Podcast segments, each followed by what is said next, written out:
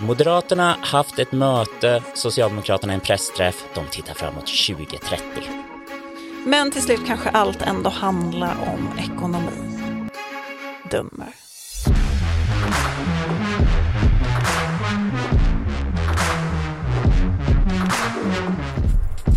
Det här är politiken med Maggie Strömberg. Och Henrik Torehammar. Mycket gripande. Henrik, eh, Moderaterna hade i Sverige möte i helgen i Karlstad som de eh, brukar. Tusentals glada kommunpolitiker, Eh. förutom en som var misstänkt för sexköp. Men 1400 var ändå där, ja. Eh, det här tror jag var mitt första riktiga Sverigemöte som jag var med på och det var spännande. Dag tre så kände jag festivalskänslan. Att ta mig härifrån. du menar när man ser ut som att man har gjort en vecka på Roskilde? Alltså, det, jag var så trött. Eh, jag, det var inte tacksamt för en statsminister att ha en pressträff och försöka säga nyheter. För jag var, jag liksom satt nästan och avbröt honom och bara, jag är så trött, jag vill inte, jag vill sluta, sluta gå härifrån. Men det var ju fascinerande av att se hur mycket en koreograferad show det var. Till exempel eh, när Karin Enström, partisekreteraren, ska stega in och hålla det första liksom, talet eh, på eh, Sverigemötet. Och hon gör det till den här låten. Välkommen upp på scen, Moderaternas partisekreterare Karin Enström.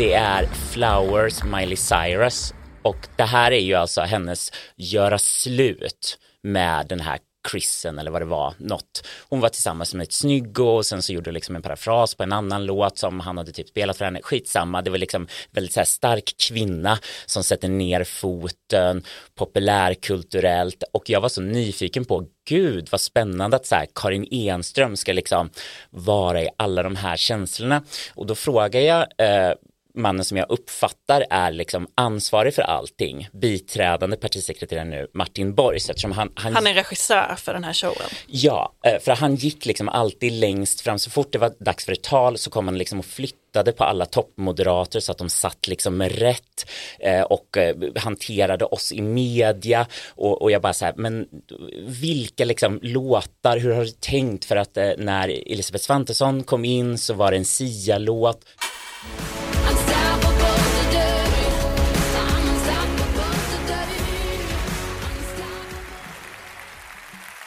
Tack.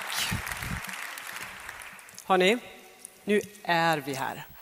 när ehm, eh, justitieminister Gunnar Strömmer kom in så var det en Harry Styles-låt. Jag bara, "Va- vad är symboliken här? Och han De bara, ungas parti.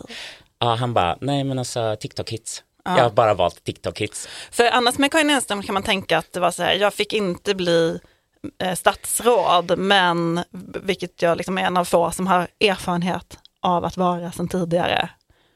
Mm, Att Men en- jag fick bli partisekreterare och här är min Och nu är jag, jag, jag är så stark själv ändå och det här kommer det bli det bästa. Jag har det finaste uppdraget, den finaste utblicken över er eh, moderata lokalpolitiker. Eh, man- eller, alltså, Sverigemöten är ju, eller liksom, de här typen av kommundagar, de är ju ofta Liksom, de har ju egentligen ett syfte, det är att politiker från hela landet ska träffas, ska peppas, ska känna att de är en del av något större, ska få titta på partiledaren. Men man fattar ju inte direkt några beslut och sådär.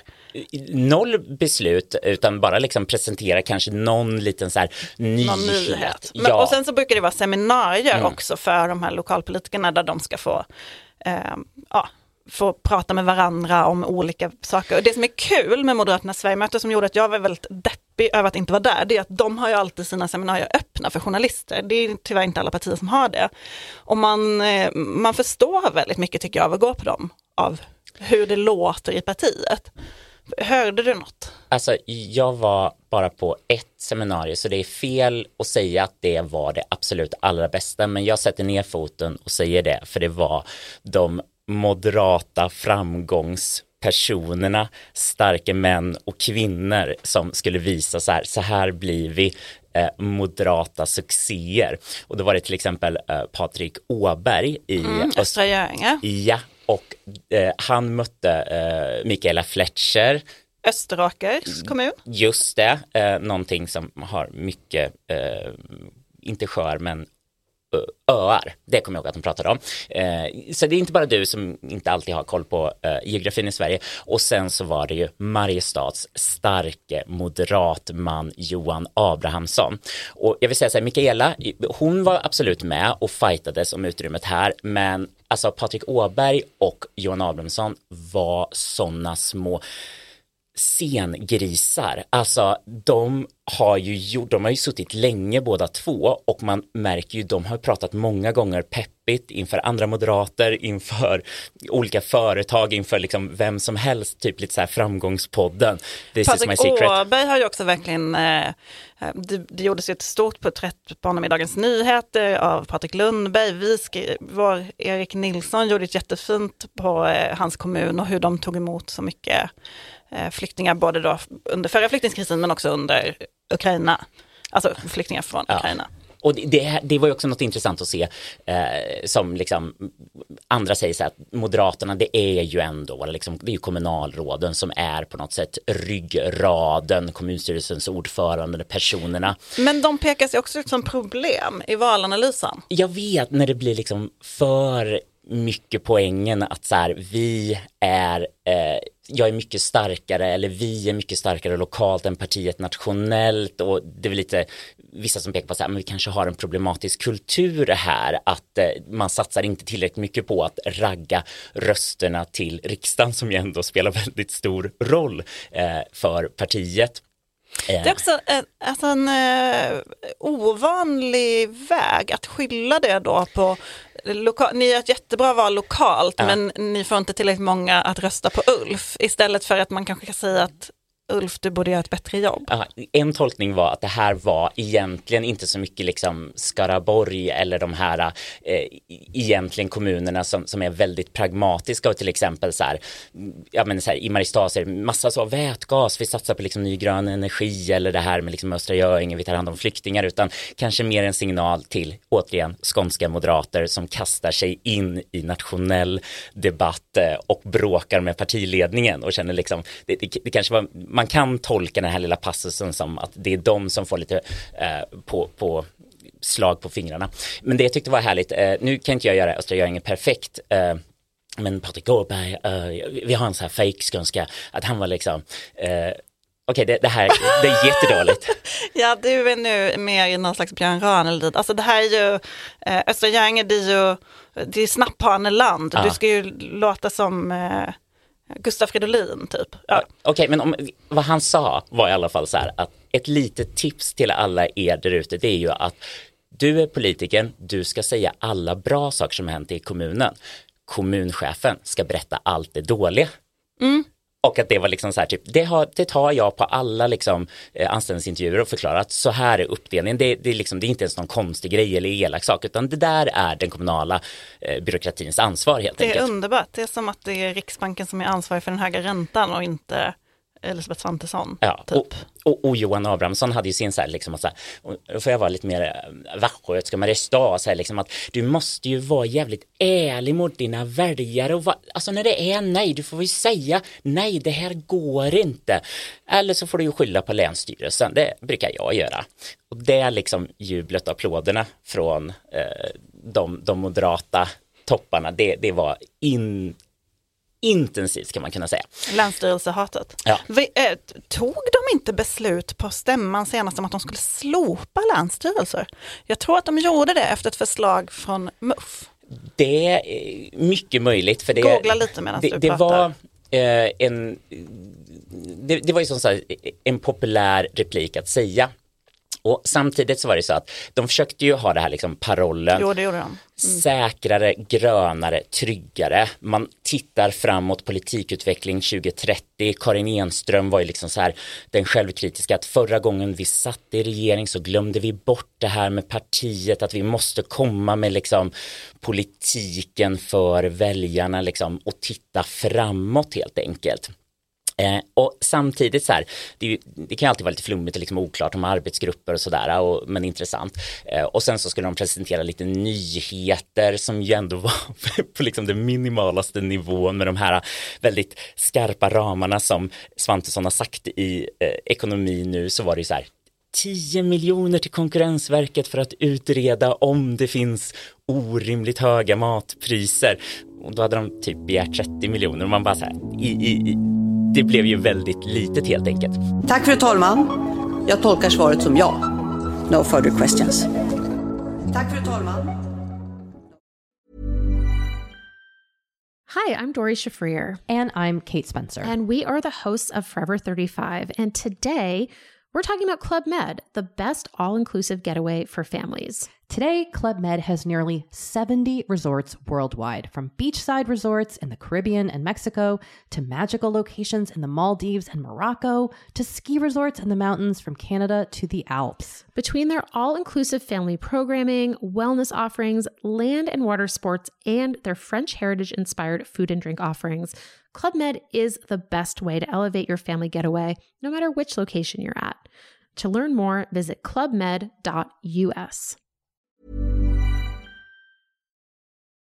Allting på något sätt försvann i den stora dramatiken, nämligen eh, dels moderat riksdagsledamot som misstänks för sexköp och sen också eh, konflikten inom MUF där Douglas Thor misstänks för röstköp. Eller åtminstone planerat röstköp. Det är lite krånglig den där historien, men eh, som TV4 avslöjade. Men det finns ju då skärmdumpar på när, de, när Douglas Thor gör upp en plan för att ta över ett distrikt med hjälp av köpta röster. Ja, och, och som sagt. Det... Det, det inledde ju själva Sverigemötet, nyheten ja. om att han inte skulle få hålla tal som MUF-ordföranden alltid brukar göra, därför att det fanns då en stark kritik i partiet ja. kring det här. Som bland annat Johan Abrahamsson hade varit ute och liksom markerat att vi ska, det ska vara liksom ordning och reda i vårt parti och han är också ordförande för eh, Västra Götalands Moderaterna så han är inte bara liksom en lokala starke man i ett, eh, i ett Skaraborgs kommun. Men det finns, ju, det finns ju i partiet en genuin oro för de här olika eh, falangstriderna som vi har pratat mycket om i MUF, men som ju också har spritt sig till andra delar av partiet. Och det kom ju faktiskt in, också hörde jag i diskussionen kring den här eh, riksdagsledamoten som också är en väldigt eh, högt uppsatt moderat lokalt, de har tunga uppdrag i partiet, en av partiets absolut mäktigaste politiker.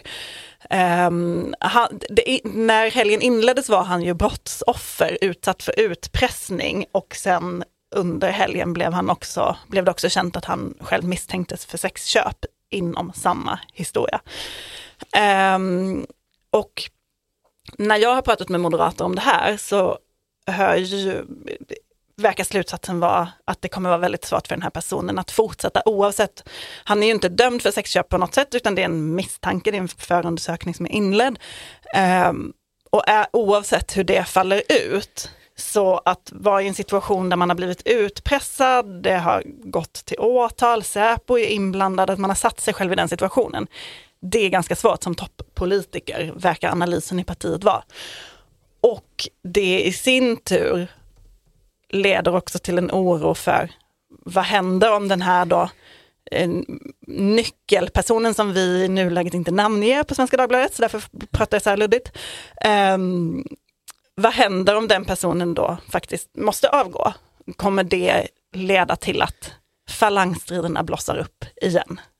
Och, ja, och, och, det finns ju som sagt mycket kanske särskilt i ett eh, regeringsparti. För visst, eh, det här att regera kanske disciplinerar och håller koll, eh, håller lite pli på folk, men som sagt, ibland dyker skandaler upp och de måste hanteras och eh, man kände ju det där att eh, när man försökte prata, särskilt liksom första dagen, om eh, det här liksom en moderat riksdagsledamot, eh, ingen ville ju säga någonting, folk liksom bara tystnade och liksom gick bort, lämnade mig eh, eh och, och, även när jag försökte liksom i, i lite mer sociala sammanhang, eh, även om jag ska säga så att jag, jag lyckades inte med de här eh, Torbjörn målet att du vet bara grabba tag i toppmoderater och stå och liksom öla med dem. Och, Du var inte på festen. nej, jag blev utkastad Enligt festen. en källa, den bästa festen de någonsin haft. Enligt en källa, Charlotte Perrelli där.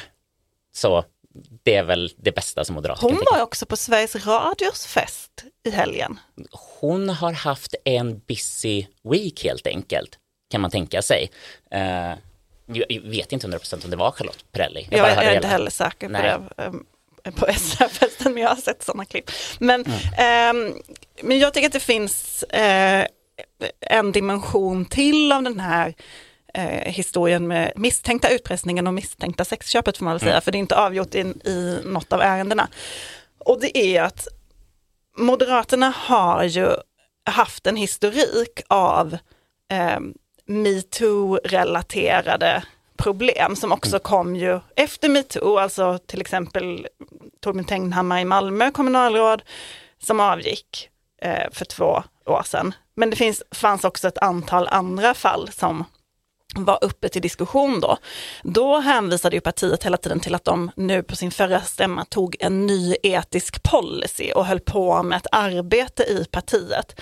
Nu tror jag inte att den etiska policyn säger något direkt om sexköp, dock är ju både brottslighet och eh, sexistiskt beteende ogillas i den etiska policyn. Eh, men oavsett så ehm, tänker jag att för ett parti som har stora problem med att locka kvinnor, eh, där man har pekat ut det som, som en utmaning inför nästa val, att ha en av sina mest mäktiga politiker i den här historien. Det är inte så lätt.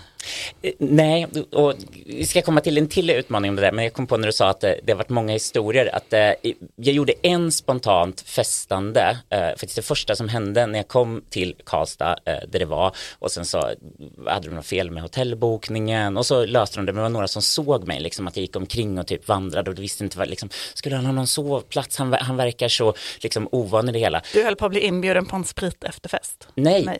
jag blev inbjuden.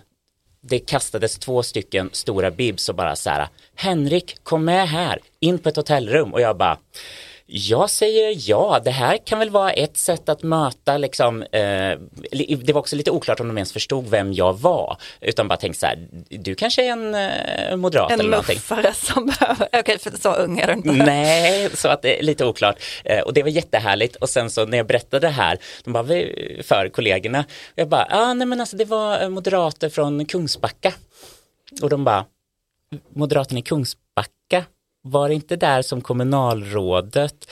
Och jag bara, oj, det var sexköp och någon fick avgå. Men den personen var inte med där i alla fall.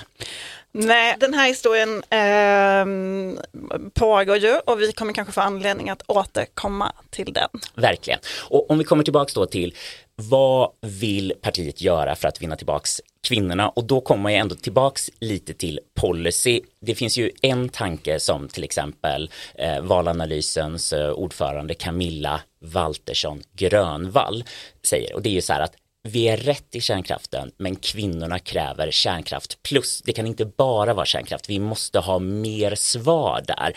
Och till exempel har vi ju gröna högerns starke man Kristoffer Fjellner som liksom lite Stockholmsliberalt vill vara ute och lyfta fram positionerna här. Och då kommer man ju snabbt till frågan om Men som också öppnade i en eh, intervju med Erik Nilsson för att slopa klimat klimatmålen, Mm, precis de nationellt antagna Trafik. när det gällde för transporter. transportmålen, Mm.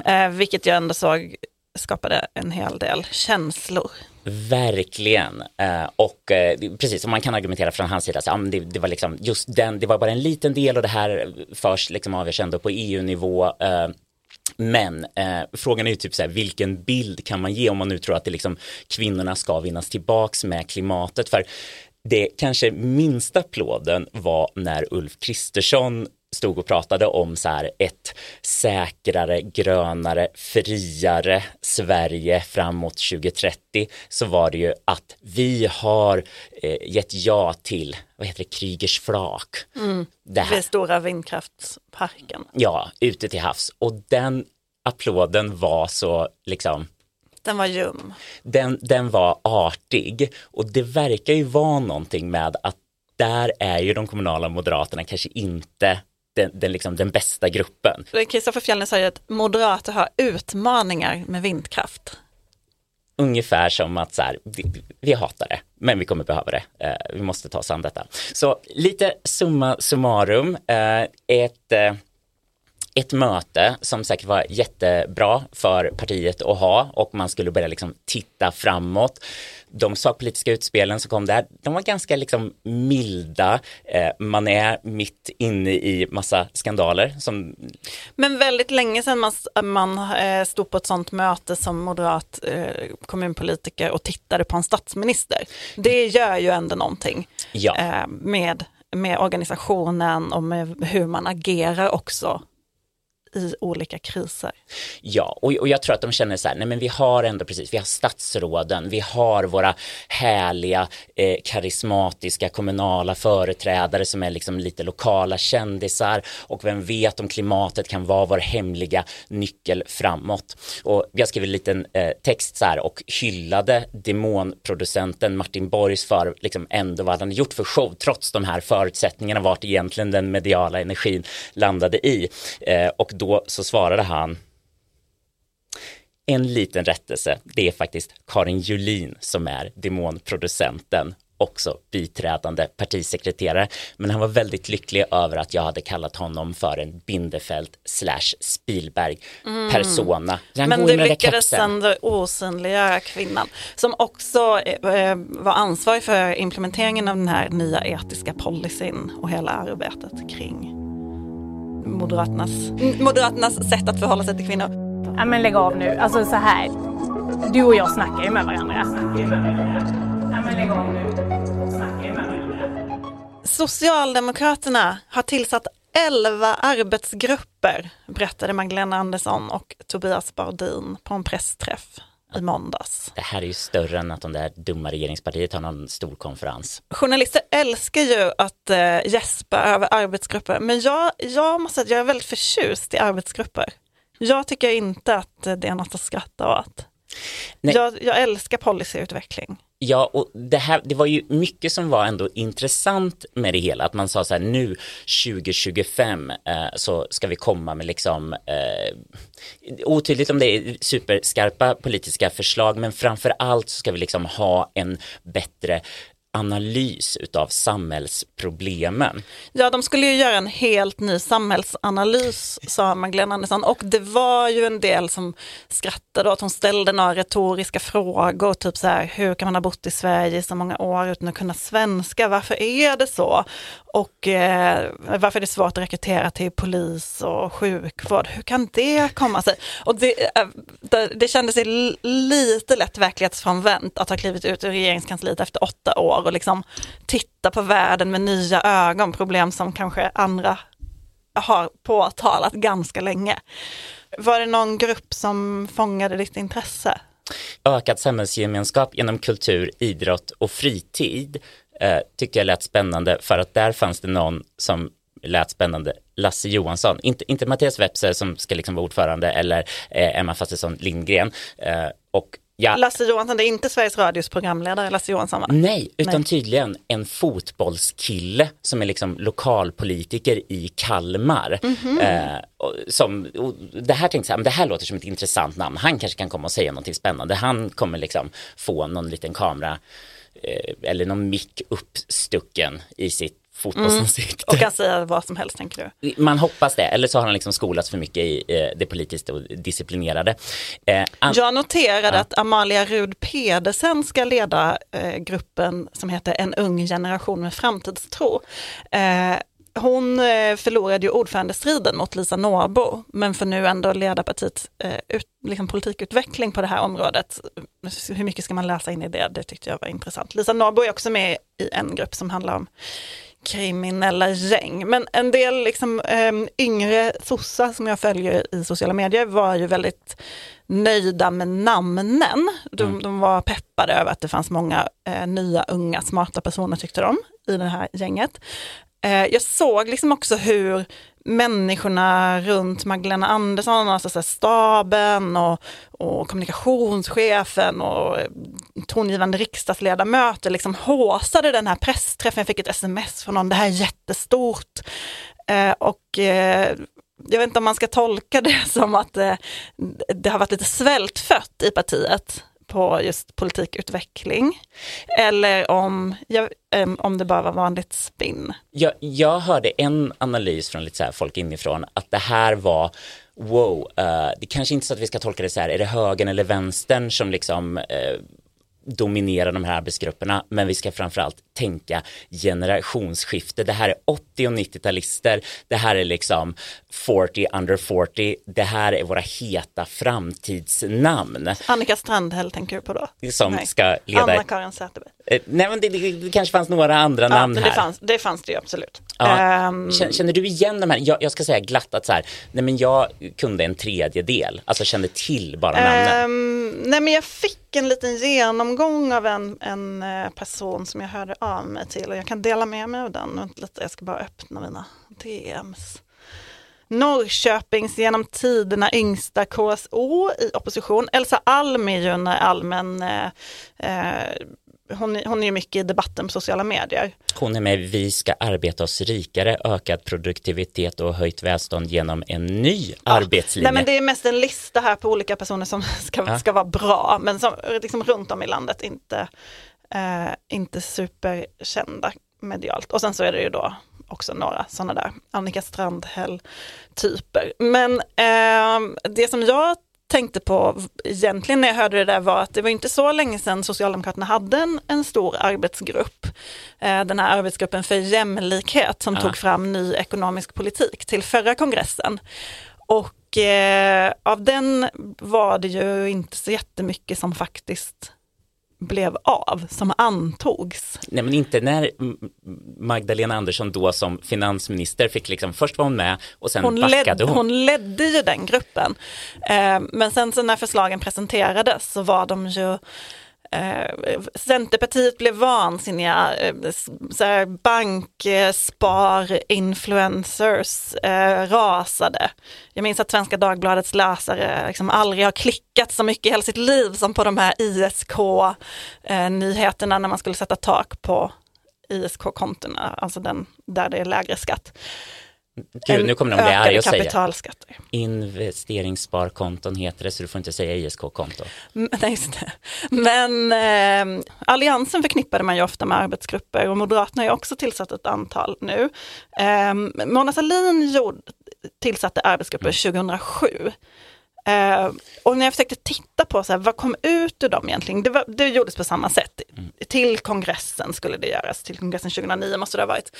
Eh, men det roliga med de arbetsgrupperna var att Eh, sen, det här var ju en tid då Alliansen hade egen majoritet, Socialdemokraterna hade inte ett tydligt regeringsalternativ, påminner lite grann om situationen nu egentligen. Och eh, Mona Sahlin, ja men du vet, först började hon, ville hon samarbeta med MP, sen blev hon tvingad att ta med sig Vänsterpartiet och det slutade med att de också tillsatte arbetsgrupper i den här trepartikonstellationen.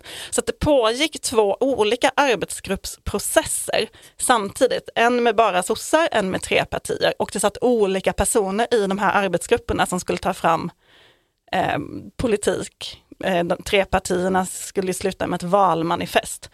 Eh, ganska stökigt, väldigt svårt att utifrån mediearkivet få komma fram, alltså fatta vad Socialdemokraterna ens kom fram till eftersom ja, det var den här konstruktionen. En beskrivning har varit att så här, men tidigare processer och man drar in arbetarkommuner och sånt där, att då skickas massa förslag som sen bara försvinner ut i tomma intet och att på det här sättet och just att de har så liksom orimliga namn de här elva arbetsgrupperna som är liksom vad de liksom själva ser så att ah, men vi, vi skär på ett spännande sätt, vi blandar in olika eh, liksom det är inte så här bara, och det här är skolpolitiken, det här är välfärdspolitiken, utan vi ska liksom blanda och tänka liksom härs och tvärs och sådär eh, att det här ökar då, inte att man ska komma liksom med de konkreta politiska lösningarna för snabbt, utan just samhällsanalysen, verkligen liksom förstå vad, vad är det vi tycker har gått fel i samhället och att det ökar då kraven på att det ska komma någonting liksom verkligen annorlunda fram till 2025. Och det där tänker jag också är, det kan ju bli en kommunikationsmässig utmaning som man märkte redan på pressträffen, att vi politiska journalister kan ju fråga så här, okej, eh, tycker ni det här eller är det här bara liksom en pausgrej fram till 2025? V liksom, hur ska er oppositionspolitik se ut? För finns det liksom en risk då att om man befinner sig i det här liksom oklara läget där vi är inte riktigt klar i vår samhällsanalys så kan man ju bara, man kan ju upprepa så här, ja det här sa vi på förra kongressen, eh, men som Magdalena Andersson sa att så här, det gäller ju tills vi meddelar annorlunda.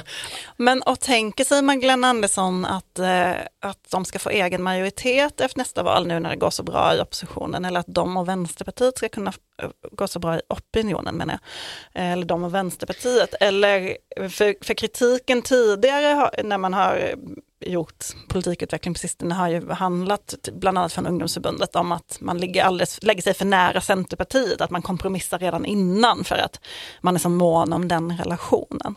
Mm. Och, och, och, lite också ibland som det känns som att man flörtar med typ statsvetare eller liksom expertblicken på att det viktigaste är att du inte ställer orimliga löften till väljarna för då liksom sabbar det så här förtroendet du har att kunna leda landet. Om du kommer med någonting som är liksom för visionärt så vet folk ändå att det där kommer inte genomföras. Eh, eller liksom att du säger att det ska genomföras och sen försöker säga så här, ah, vi fick inte egen majoritet så det blir ingenting av det där. Att det där är en egen problematik när man ska vara liksom pragmatisk.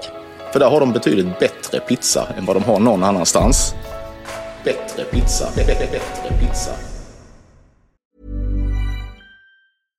Hej, I'm Ryan Reynolds. At Mint Mobile, we like to do the opposite of what Big Wireless does. They charge you a lot, we charge you a little. So naturally, when they announced they'd be raising their prices due to inflation, we decided to deflate our prices due to not hating you.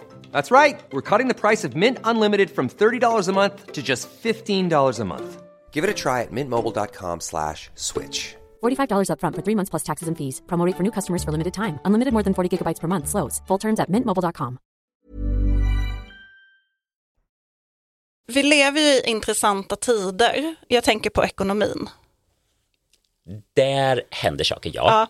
ja eh, men vi har ju pratat lite om eh, de framgångar Anders Borg gjorde som finansminister under krisen, hur han lyckades bli folklig och populär. Ja, Europas bästa finansminister var det väl Financial Times som utsåg honom till. Så att, och då kändes det som att man gav liksom, Moderaterna, eh, inte bara en jättebra finansminister men också så kompetens i att hantera ekonomin och också... De har ju eh, haft, fick, har ju haft väldigt högt förtroende mm. i just det. Och, och det har ju många gånger ansetts avgöra val, även om det var ett tag sedan nu.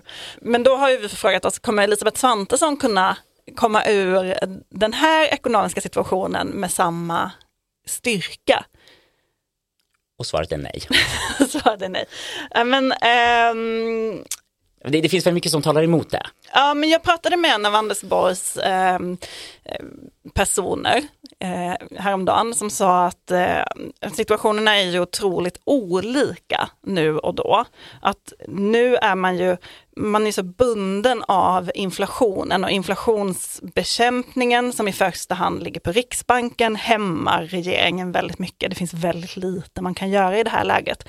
Och det är väl lite det man ser från Svantesson, alltså passivitet. Ja, de här ramarna man har satt sig inom att så här, vi kan inte göra någonting som eldar på samhällsekonomin och då är det ju fortfarande liksom håller den analysen eller inte? Finns det andra saker man kan göra? Eh, från olika håll så lyfter ju fram Konjunkturinstitutet som hade tittat på så här, men vad påverkar inflationen i eh, makrostimulanser eller makroreformer eller vad de kallar det här, där de till exempel pratade om att men sänka arbetsgivaravgifter, det sänker ju inflationen så det skulle ju kunna vara en bra sak. Men fortfarande då svarar ju Moderaterna, fast det är liksom, du kan inte plocka ut en sak sådär, utan det viktiga är att du liksom på det hela taget inte eldar på och det är det vi måste hålla i. Eller sänkta inkomstskatter som Moderaterna ju har längtat efter. Tycker man att det eldar på inflationen eller tycker man att det skulle man kunna presentera det som ett stöd till hushållen beroende på hur man konstruerar det. Mm. Man har ju nu förlängt det här um, ökade barn, äh, bostadsbidraget för mm. barnfamiljer. Och, men det där också från Socialdemokraternas håll, jag har hört kritik mot eh, Mikael Damberg, att han också är för vag. Att det är så här, ah, okej det var lite bra med det här med folkhemsel, men att bara säga höjt barnbidrag, höjt barnbidrag, att det skulle vara en universallösning. Man måste ha mycket större, fläskigare förslag. Eh, kanske vissa skulle säga lite mer vänsterpopulistiska, men, men då hamnar du också någonstans i eh, det socialdemokratiska liksom ledarhjärtat av att vara den som tar ansvar för statsfinanserna och på något sätt ändå hamnar på rätt sida om de med de finansiella tyckarna. Samtidigt så tycker jag att det finns en, en socialdemokratisk debatt om att förändra, alltså det, det, det såg vi ju inför kongressen senast, en, en stor debatt kring eh, ramverket och eh, kan man lånefinansiera för klimatinvesteringar var ju den stora debatten då. Eh, vilket ju man sa nej till men man sa ja till balansmål. Um, men, nu, men det finns ju ändå en, en, en policyutveckling utanför partiet och utanför de här arbetsgrupperna där man till exempel på Arena sitter ju eh, Elinor Odeberg som jobbade på Finansdepartementet tidigare som tjänsteman. Hon är nu chefsekonom där, hon skriver på någon bok om inflationen och twittrar väldigt mycket om, om förändringar i synen på, på ekonomin och ramverket. Eh, reformisterna har ju också ägnat väldigt mycket åt det. Finns det något liksom, finns det något i, hos Moderaterna som är lika eh, föränderligt, nyskapande, ny ekonomisk policy? Eller ska Moderaterna istället vara de som säger att vi håller fast vid 90-talsprinciperna? Hittills har det varit mycket mer åt det hållet från eh, de moderata tungviktarna. Eh, att, att man inte ser att det finns något liksom utrymme utan man går tillbaka och som liksom statsministern hela tiden säger, men det är, och vi måste komma ihåg 70-talet, 80-talet, det här var vad inflationen gjorde med oss, det, det är liksom vår största fiende hela tiden så att vi, vi kan inte göra någonting samtidigt som att det är ju en skillnad på det är lite så här med en kris som Anders Borg, att ja, det gick jättedåligt och sen så gick det jättebra, det blev så stort hack att då eh, kanske man snabbt eh, kan se om det, om det inte får stor... Det var ju också ja. kris, kris, kris. Det var ju så här, ja. nu behöver vi göra något eh, drastiskt för att mm. bankerna inte ska gå omkull.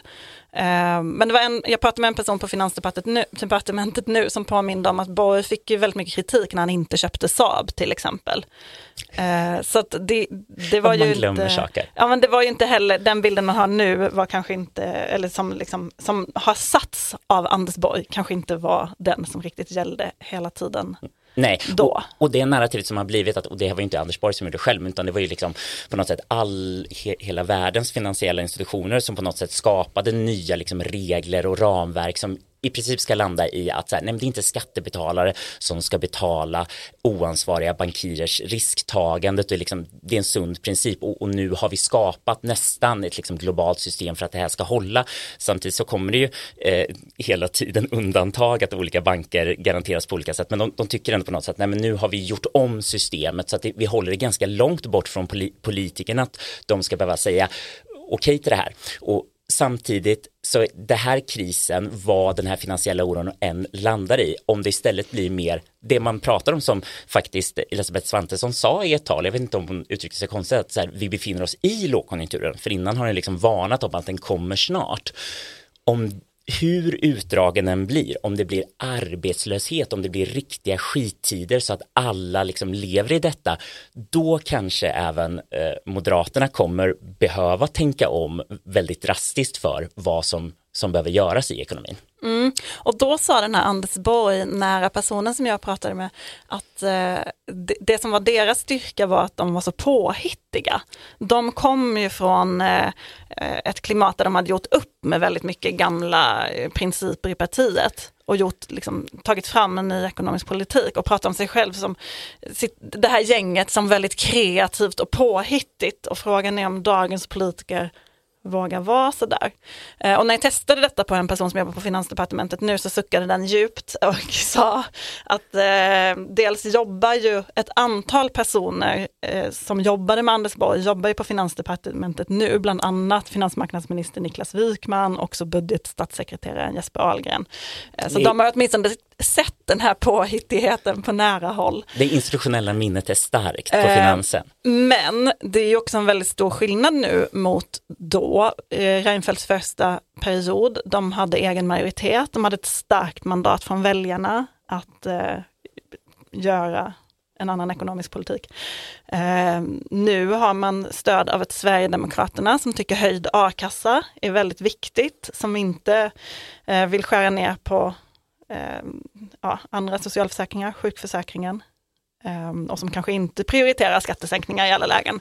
Så att det, det är ju inte så jättelätt tror jag att vara eh, moderat finansminister just nu. Tidöavtalet är ju ganska, eh, det innehåller ju inte så jättemycket ekonomisk politik. Den delen är ju ganska tunn och inte så konkret. Det är ju mycket det här framåt som Moderaterna lyfter fram och särskilt gjorde under Sverigemötet, så här, bidragstaket, att vi ska, liksom, ja. vi ska jobba med det här, dra igång eh, incitamenten för att arbeta och sen så måste vi också liksom de här strukturella förändringarna som måste väl handla om liksom ännu mer skatteförändringar och justeringar för mer företagande och liknande saker. Som... Men, men, man skulle ju kunna se det där tunna, tunna kapitlet som en, att det finns en stor rörelsefrihet för Elisabeth Svantesson att göra lite vad hon vill. Å andra sidan måste hon ju få med sitt budgetsamarbetsparti på det. Så risken är väl kanske snarare att det blir tvärtom, att eftersom man inte är överens på tid och slott om de här olika grejerna så kanske det inte, ja, så kan det vara svårt att få igenom. Och samtidigt också, en sorts liksom makrotolkning utav det här som hände finanskrisen, det var ju att det blev en så här global förtroendekris för ja, globaliseringen eller systemet som det hade fungerat. Eliterna. Ja, och folk som pekar på att det är det här som är grunden till, till Trump, till Brexit, till liksom massa förändringar. Att man såg sig, men skit, vi, vi är förlorarna här och eliten försöker rädda sig själva. Och frågan är om det nu inte är så som eh, de här smarta människorna som har skapat massa system och visar att nej, men skattebetalare ska inte behöva betala för eh, banker eller andra finansiella institut som på något sätt liksom har gjort dåliga investeringar och det är oklart vilka risker de har. Eh, om det ändå skulle landa i det, om, om det finns ännu mer energi i en populistisk backlash och om då till exempel Socialdemokraterna börjar känna så här, men vi måste verkligen vara här och, och dra i de trådarna och kanske även moderater känner att så här, hellre sluta med de här ekonomiska eh, grundtesen eller teoremen, höll jag på att säga, eh, teologin nästintill eh, för att liksom vara mer ge folk det de vill ha.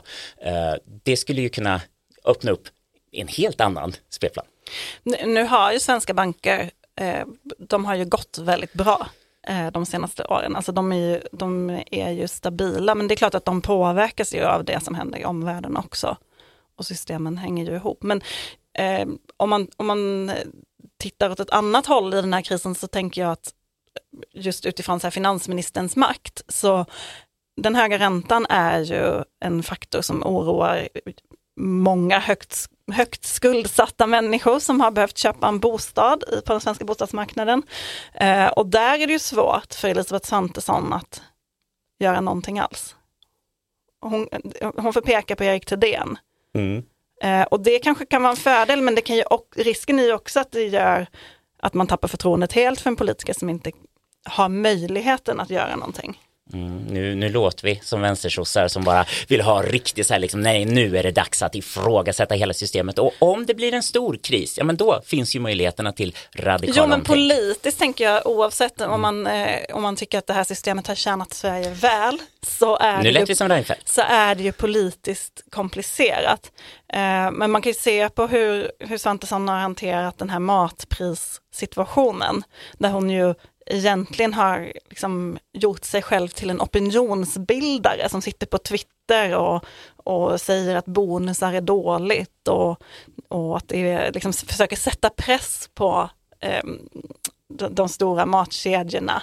Att det där är lite borgerpopulism, att... liksom, men nu istället för att smiska för mycket på eh, bankirerna så är det de där uh, nya hatobjekten, ICA-handlare. Ja, men, och det kan, verkar ju eh, ha funkat relativt bra, att hon har ställt sig lite på folkets sida mm. på trottoaren utanför finansdepartementet och sagt nu har jag skällt på dem. Alltså, mycket... Och sen reagerade de ju, även om det är Nooshi Dadgostar som säger att det är tack vare henne. Precis, det är många som är vinnare, hon känner så här typ, det är mitt förslag här som gått igenom, fast samtidigt man bara, fast det är ju olika liksom matjättar som nu krigar om olika rabatter. Det låter ju jättemycket marknadsekonomi. Kanske bara det eh, att nu, nu förstår också vi eh, de, de lojala köparna att nu måste vi ta vårt ansvar och liksom välja alltid det billigaste, kanske inte alltid det godaste, eh, för att vara med liksom och dra ner inflationen. Det kommer ju en vårbudgetproposition och en vårändringsbudget ganska snart efter påsk.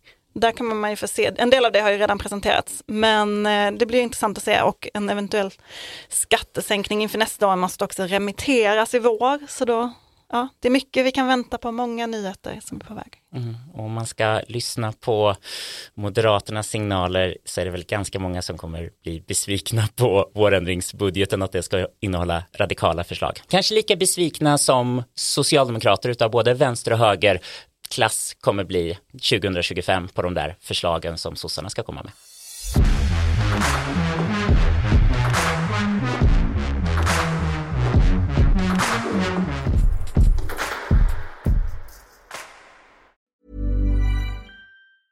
Hi, my name is Danny Pellegrino from Everything Iconic, and I'm excited to talk to you about Club Med. Club Med operates beach and mountain resorts and is the best all inclusive getaway for families. They have Club Med Punta Cana, their flagship family resort, and many other options in Mexico, the Caribbean, and around the world. Club Med are the pioneers of the all inclusive concept, which is the best way to vacation. Great for families, groups, or even solo travelers looking for land and water sports, delicious food and a place to make unforgettable memories. Visit clubmed.us, call 1 800 Club Med, or your travel advisor.